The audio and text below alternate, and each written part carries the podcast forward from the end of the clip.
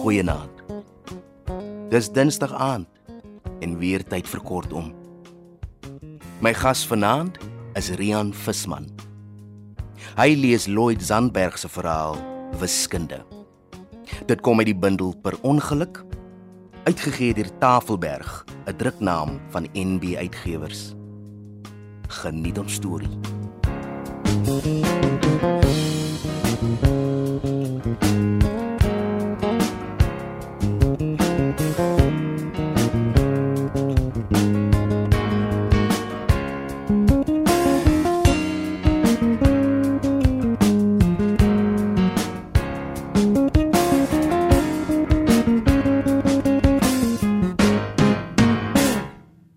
Ansie was heeltemal te maar gewees. Daar was geen verskil tussen Ansie en 'n forward slashie. Dit het gelyk of sy die hele tyd skyn staan en dan moes 'n mens twee keer kyk om haar raak te sien. Haar mondjie was klein, bruin en gekreukel. Baie soos 'n droë perskepitten, maak die saak waar die geleentheid was. Nie. Sy het altyd 'n serp of 'n stuk lap om haar nek gedra. Haar ore was spierwit soos vars sneeu.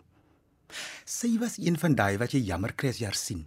En die hele dorp het Almal in hulle gesin was skade wees.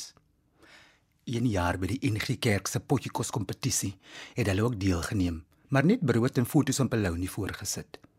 Die van Tonders het vir die 10de keer met hulle kookskaappot kop die eerste plek gewen. En toe besluit hulle om die oorskiet en prysgeld met aansiele te deel. 'n Mens ja, mos waar dit nodig is. Alles het met 'n skaapkop. Elke oggend wanneer Ansie die kinders skool toe gevat het, is daar kos voor die deur vir hulle gelos. In die aande het die dorpsmense vir Ansela rantsoen gaan gee. Partyoggende was daar so baie goed dat hulle vroeër moes opstaan om dit binne toe te dra. Op haar verjaardag het iemand 'n 5 lag sjokoladekoek, 'n resepteboek, pineappels, bevrole lasagne en twee heel hoenders op die voordeurmat gelos. Niemand het regtig geweet hoekom hulle so dun en ondervoed was nie. En behalwe vir ons wat daar so jammer gekry het, het dit nooit gelyk of dit enige een van hulle traakie. Op 'n dag in graad 10, dit was kotswarm, kry ons weer rapporte.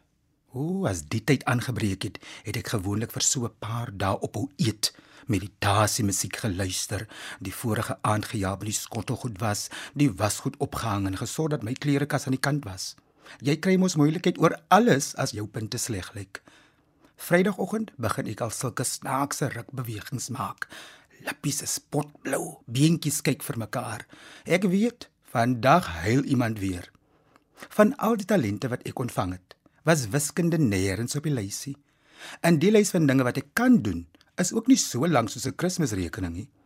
Ek kan die name van die Bybelboeke van agteraf opsê, lekker soen, Adidas se klank namaak, brood sny, en my oë so skeel trek dat jy my van vooraf kan bekruip. Maar wiskunde is my einde. En nie een van ons in die familie het getalle in die koppie.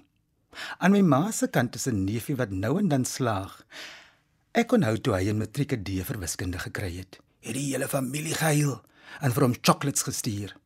My pa se suster se dogter is oulik met afmeet, resepte lees en skat. Maar jy kan ook nie vir haar hakkies en kwadrate gee nie. Dan is jy op jou eie. Heeldag by die skool draai my maag soos 'n klitser op hoë spoed. Eerste pouse begin my mangels en handpalm sweet en ek versier die badkamer met leftover chicken wrap. Tweede pouse is ek by die siekeboeg vir suikerwater en weer terug in die badkamer.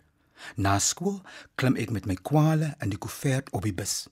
Ek bewaar die koevert asof dit 'n handgranaat is. Hy is skadeloos tot jy hom oopmaak. Mamma lê moeg. Was dit 'n lang dag? Vra ek net toe my ma die huis binnekom. Koffie? of 'n glasie wyn.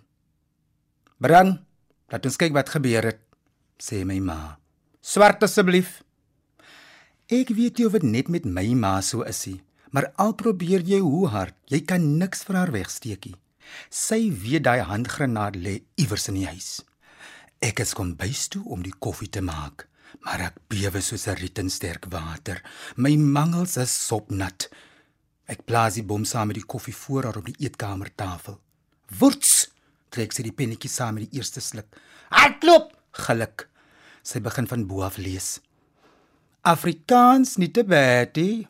Jy kan mik vir 50%. Engels is so so, sê sy. Wiskunde is volgende. Ek staan om die hoek. Sy neem met 'n groot sluk van haar koffie en haar oë lyk soos twee perings waarop daar sonsondergange gepaint is in skakerings van rooi, oranje, moord en gevaar. "Is dit erg?" vra ek. "Hoekom lyk jou kamer soos 'n varkok?" Hoeveel keer moet ek sê vervang die toiletrol as dit op is? Vat jou bord wasbak toe, sny op 'n plankie, hou op vir die domeise gejaalde hare lag. Het jy huiswerk gedoen? Die wasgoed opgehang, die ligte afgesit? Het jy al die asdrom uitgevat? Ha? Hoeveel keer? skree vra sy. Ek neem aan ek is onderdeur, antwoord ek. Wat die res van die naweek gebeur het, kan ek nie lekker onthou nie. Behalwe dat my ma Sondag lank met 'n vrou oor die foon gepraat het en nadat sy die gehoorstuk neergesit het, het sy klibberd "Fooi tog" gesê. Hoewel niemand in Tannie Ansie se huis ooit met 'n Michelin-ster bekroon sou word nie, was hulle wel baie goed in een ding, en dit was wiskunde. In enige vorm daarvan. Brenda Winkers, die domste kind op ons dorp, is vandag 'n groot kop by 'n internasionale firma in Duitsland. Die Boshoff tweeling wie se pa die enigste altyd in gevangeneskoor was, is albei op pikke nadat hulle jare met rooi strepe onder hulle punte geloop het. Beide Ansie se dogters wen al wat 'n wiskunde kompetisie en olimpiade is. Die jongste was in China vir so 'n ding. Sy het onder meer 9 in 'n half ton basmati rys gewen en hy het toe gekom met 3 goue medaljes, 'n virus wat haar hare laat uitval. Maandag na skool klim ek by Tannie Ansie se huis af. Sy woon in 'n klein ligpers huis met 'n geroeste haan op die dak. Nou staan ek en loer vir die haan en probeer nie dink aan my gladde mangelsie. Lelik nervus. Ek lei die klokkie. Die dingetjie weer galm deur die huis. Ek wag so vir 'n paar minute. Hier maak iets die deur oop. Ansie lyk soos 'n 1960s poskaart. Eers dink ek daar's nie plek in so 'n kop vir somme nie. Maar ek was verkeerd. Ons het kos, sê sy. Ek weet Tannie se serp is beautiful, sê ek. Kan ek help? vra sy. Ek is op soek na X en Y. Alles almal binne, sê sy. Tannie Ansie se huis lyk net sy. Alles is nou maar dun en smal en oor elke bank is 'n lap laken duwykave of sakdoek gedrapeer. Die mure is spierwit tot die vloere Dit voel of ek in 'n trourok staan. Haar man, wat ek vir die eerste keer in my lewe sien, is ook daar. Hy sit soos 'n toegevoude sambreel op 'n leerbank wat soos kraakbeen lyk. Ek weet nie wat sy naam is nie, maar hy lyk vir my baie soos 'n Jasper. Die meeste Jaspers het min baard. Ek was laas by my geboorte so verward. Jasper praat niks. Hy sit met 'n sakrekenaar en 'n blik rikoffie asof hy sê, "You move next." Ansie kyk vir Jasper met dieselfde oë as waarmee 'n slang na 'n geitjie sou kyk. En so sit ons in soek na iets, enige iets om oor te praat. Genadiglik gee Ansie op en beduie ek moet met die trap op na 'n studeerkamer wat na ongesonde obsessies ruik. Later daai middag het ek vir die eerste keer in my lewe besef dat die X in Y in 'n wiskunde som nie 'n persoon of 'n tikfout is nie.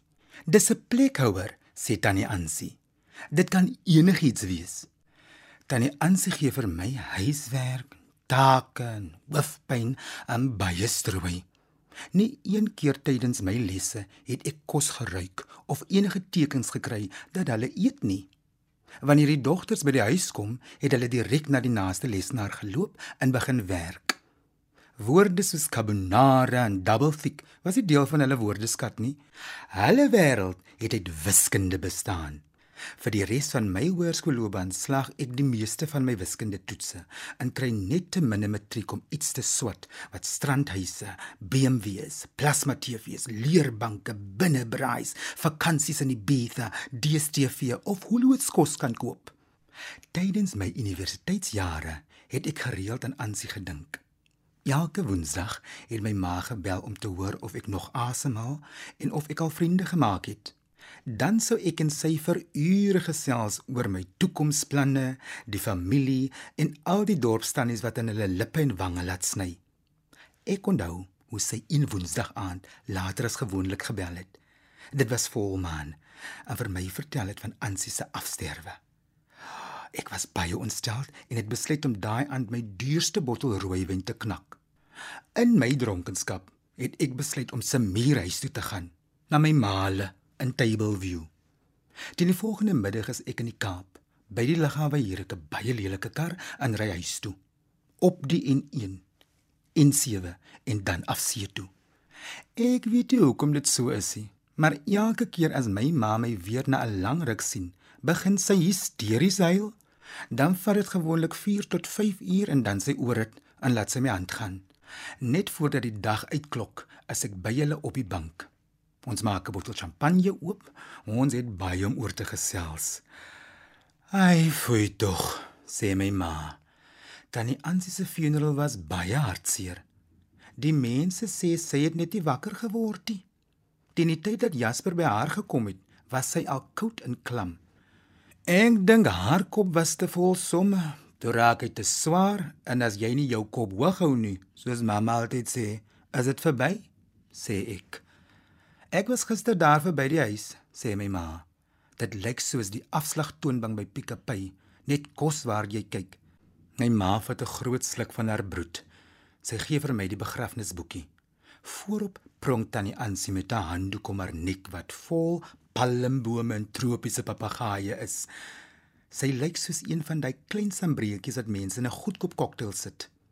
Maar smile soos 'n predikant tydens kollekte. Vanaand drink ons op tannie Ansie en al die ander engele van die wêreld, sê my ma, wat nog steeds huil. Ons albei lig ons glase en ons drink op tannie Ansie wat nou 'n plekhouer geword het. Mag sy wees wat sy wil.